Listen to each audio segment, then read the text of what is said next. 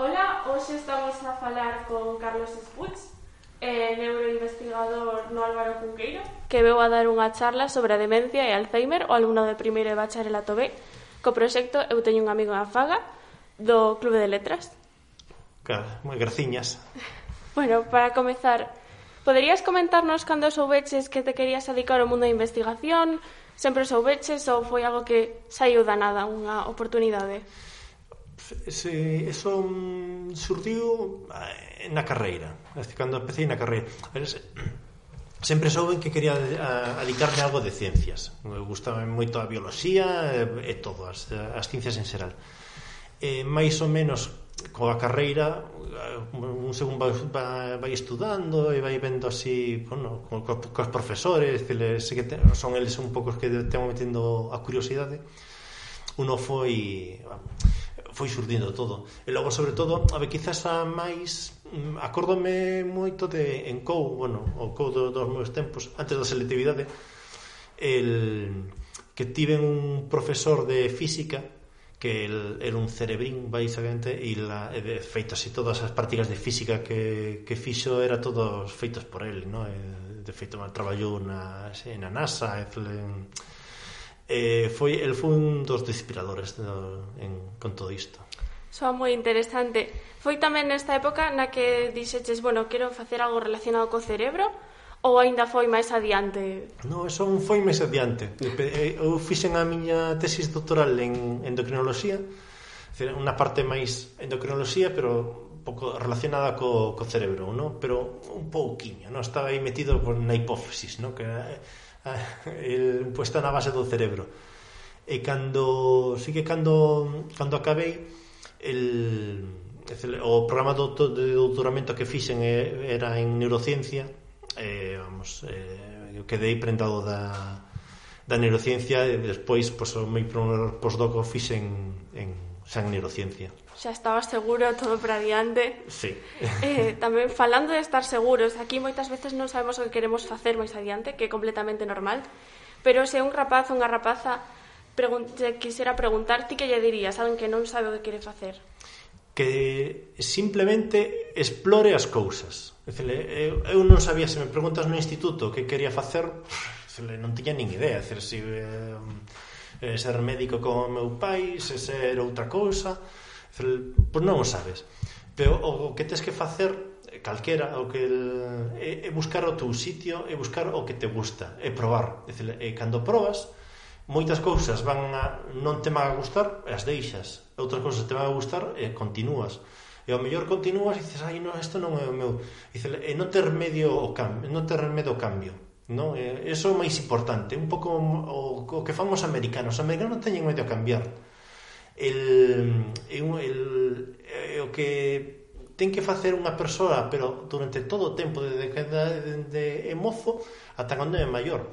Non ter medo a cambiar e probar. Estar, e, incluso os gustos teus van ir cambiando co, coa idade, decir, te van ir gustando unhas cousas que vas descubrindo cos, cos anos, que non tens que descubrirlo todo no, pues, no, agora no instituto, non? Entón, probar e disfrutar coas cousas. Sí, pode, pode que de certa maneira, a maneira na que se está ensinando agora é moi diferente da Estados Unidos, que mencionabas anteriormente. Aquí tens que escoller unha carreira máis ou menos o primeiro día e ali ata o final non, non decides completamente o que queres facer. Sí, porque eles o que fan son ese, todo ese tipo de sistema mixto donde tú podes estar, se ve moito nas series, no? que parece que estás tirando unha, unha medicina e outro eh, de, para abogado parece que está con as mesmas, as mesmas asignaturas, eh? porque eles permiten esa mistura e o que fan é que permiten que salgan cousas diferentes e novas. Pode ser médico, pero os que ao mellor eh, sabe moitísimo de leyes, eh, pero eh, entón pois, pode dedicarse a temas legais da medicina ou viceversa. E así pasa con eh, co, por exemplo, coa investigación. Os médicos, por exemplo, teñen que en Estados Unidos teñen que facer o ter rematar ten que estar un ano traballando nun laboratorio de, de, de investigación. Eh, para que? para que simplemente teñan abertamente por outras cousas. Decir, la que un pouco queda a investigación no? pues aquí temos todo como cuadriculado. Pero o que tes que unha cousa, por exemplo, que eu aprendín en Suecia é que eles non teñen medo nin a prolongar a carreira máis tempo porque queren dedicarse a outra cosa ou queren probar outras cousas e é nin que, o, o cambiar de carreira la, que non pasa nada le, a ver, pode ser por unha cuestión económica pero el, tú podes empezar unha estar un ano, dos anos e dices, isto non é o meu e cambias a outra e non pasa nada. Dices, tens que buscar o que a ti te gusta que, que vas a traballar durante toda a tua vida Sí, pode ser un pouco a nosa maneira de pensar. Eh, bueno, agora vou facer un par de preguntas que fixeron os alumnos. E a primeira, eh, custouche moito chegar ata onde estás? eh, agora sí. mesmo. no, costou moito, moito. Hai que traballar moitas horas, hai que hai que estar estar cambiando por moitos sitios. La, non é fácil a carreira de, de investigación, pero el eso a min, por exemplo, el non me importa, digamos, de se hai que traballar moito, hai que estudiar moito, pois pues, me gusta. Porque o importante é cando te levantas todos os días para ir a traballar que un non teña a ilusión de estar facendo o que o que a un lle gusta, ¿no? Que en meu caso, pues el, me levanto todos os días eh, con todos os problemas que pode tener un pues is, eh, ten as, as mesmas gañas de sempre de estar eh, descubrindo cousas novas, ¿no? nesta, nesta mesma liña un pouco que é o que máis te gusta do teu traballo? Que dis, vou facer isto por fin ou hai algo que así máis tal?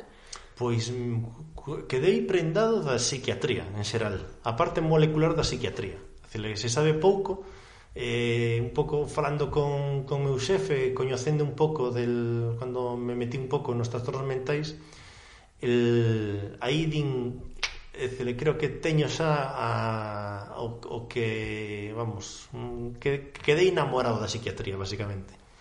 Eh, genial. Un pouco con relación que facíamos na anterior pregunta, eh, crees que coa investigación de hoxe en día poderíamos atopar unha cura ou medidas preventivas moi efectivas para o Alzheimer? A man de todos. Sí, vamos, seguro. La, el, agora mesmo non temos tratamento, eh, medidas preventivas se saben moitas xa pero que en, para sacar un tratamento hace falta que se investigue. El, aparte, fai falla que se investigue nun, no, no, no mesmo país. Cele, pero por qué? Porque se eu descubro algo, cele, a, no primeiro sitio onde eu vou no probar, vai ser no Álvaro Cunqueiro, que é onde traballo. Entón, quen se beneficia deso? A xente que vive ali porque todo o mundo pues, pasa moito coa oncoloxía non? porque cada un teñe un cáncer intratable ou de difícil tratamento vais a Estados Unidos. Porque eles son os que investigan eles son os que fan todas as probas fan os ensaios clínicos, fan todo o fan ali Entonces, claro, desgraciadamente quen pode facer eso que ten diñeiro entón, esa é a parte digamos, importantísima de, mm, de se queremos descubrir de un pouco pois, cos falaba, no? Que pasa coa alfimbre en Galicia? Pois pues, o facemos os galegos porque non a cousa non, non nos van a arreglar na nin Bruselas, ni en Pequín, ni en Washington, non? Cele, se non vai ser aquí. Entonces o facemos nos ou non sai adiante. Moi ben. Eh, agora está un pouco de colleita persoal. Ti és investigador e eh, te dedicas ao estudo do cerebro. Poderíanos falar un pouco da creatividade? Que lle pasa ao noso cerebro cando somos creativos? Cuando el, a, cre, a creatividade é cando un é capaz de pensar eh, moitas cousas é capaz de unilas, non? Eh, cando eh, logo tamén mm, non te eh, mm, non ten medo a nin o que poden dir os outros, ni o propio sistema a inhibición que pode ter un ou que te, o a inhibición social que te pode provocar pois, amigos, familiares ou outra persoa ou os amigos de Facebook ou Instagram ou o que queiras non?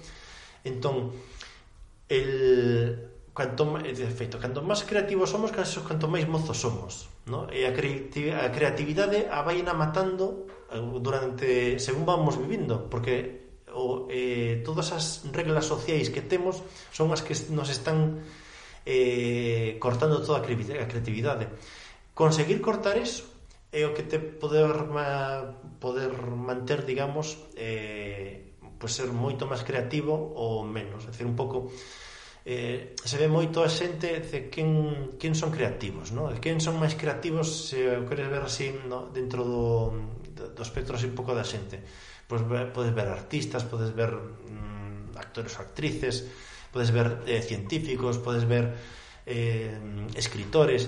E claro, que, que teñen que teñen con moito deles, deles e tal, que non esas inhibiciones sociales a eles non les, non les importan eh, entonces se poden permitir ese que salga. Dice, a creatividade da, nos a temos dentro todos, pero todos. Entón ten que sair e tes que deixala sair. Eh, na mesma liña, eh, impacta a creatividade de alguna maneira o noso cerebro? É positivo, é importante? Sí, canto máis creativo seas, eh, moito, eh, o cerebro é, unha, é como un músculo. La, el, se o mantés vivo, eh, o cerebro se mantén ese, eh, e se mantén todo o seu uso, né, toda a súa función. En canto deixas de usalo, o cerebro é moi caro económicamente, digamos, mantelo energéticamente ¿no? La, entonces, eh, se tú, ti non usas o cerebro porque estás todo o día o vendo televisión o, e non facer nada, o cerebro vai perdendo todas as funcións, todas as conexións, todas, todas as redes neuronais que os, que os falaba, todo eso se, va perdendo, porque é caro mantelo para, para, para o propio organismo e logo volver a repescar todo iso custa entón el, o que tes que facer é manter viva esa creatividade e por que? porque logo cada un é creativo polo xeral a maior parte da xente nuns campos non? a mí me gusta a parte da neurociencia ou das, das, da bioloxía non das ciencias e tal pero se me vas por outros campos pois pues, un patán non?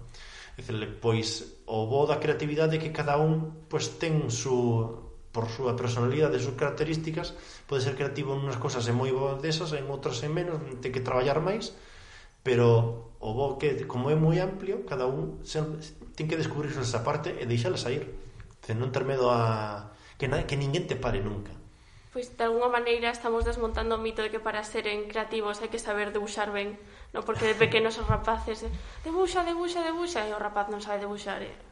non, non vai mal. No, porque a lo mejor, o mellor, te, tú non dibuxas ben, pero ao mellor falas moi ben.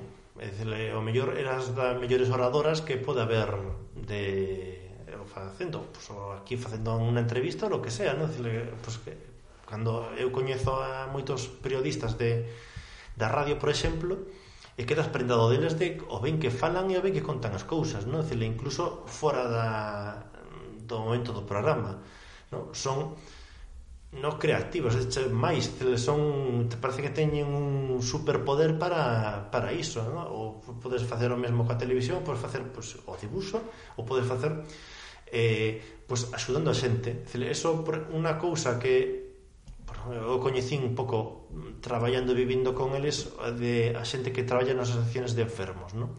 De todos son eh, hipercreativos, pero para axudar a xente O podo coñecer un veciño que eh, eh el, o mellor non sabe facer pode, podemos pensar que non sabe facer nada pero é o mellor axudando a, a xente que o rodea non? Entón, a creatividade son moitas cousas non é, non é algo solo o debuxar algo o académico ou estudar ou no, son, é, é todo Bueno, agora tocaches o tema da, das asociacións eh, Ti eh, colaboras coa Federación de Asociacións de Alzheimer de Galicia, FAGA. Poderíanos contar brevemente a súa labor, a grandes rasgos? El, bueno, a labor que fan é gigantesca, ¿no? La, el, un, en, pues en este caso nas, no Alzheimer ou nas demencias porque eles eh, eh, Fagal é a federación que leva todas as asociacións de, eh, de Galicia ¿no? eh, eh, todos juntáronse en Fagal ¿no? aquí en Vigo por exemplo temos o no Vigo e o sur tamén porque tamén colle eh, todos os concellos digamos do sur e a Faga no? pero logo tes pues, em, a FAPO en Pontevedra a FACO en Coruña em, a FABER en, Bergón, en Bergondo e eh, moitas bueno, non, non me lembro de todas que son moitas no? el pero eh, o que fan eh, eh, con noso, noso sistema sanitario por exemplo, eh, a xente digamos que ten eh, eh, Alzheimer ou, ou demencias en xeral eh, non ten non recibe unha atención como tal. Decir, la, ten a atención clínica.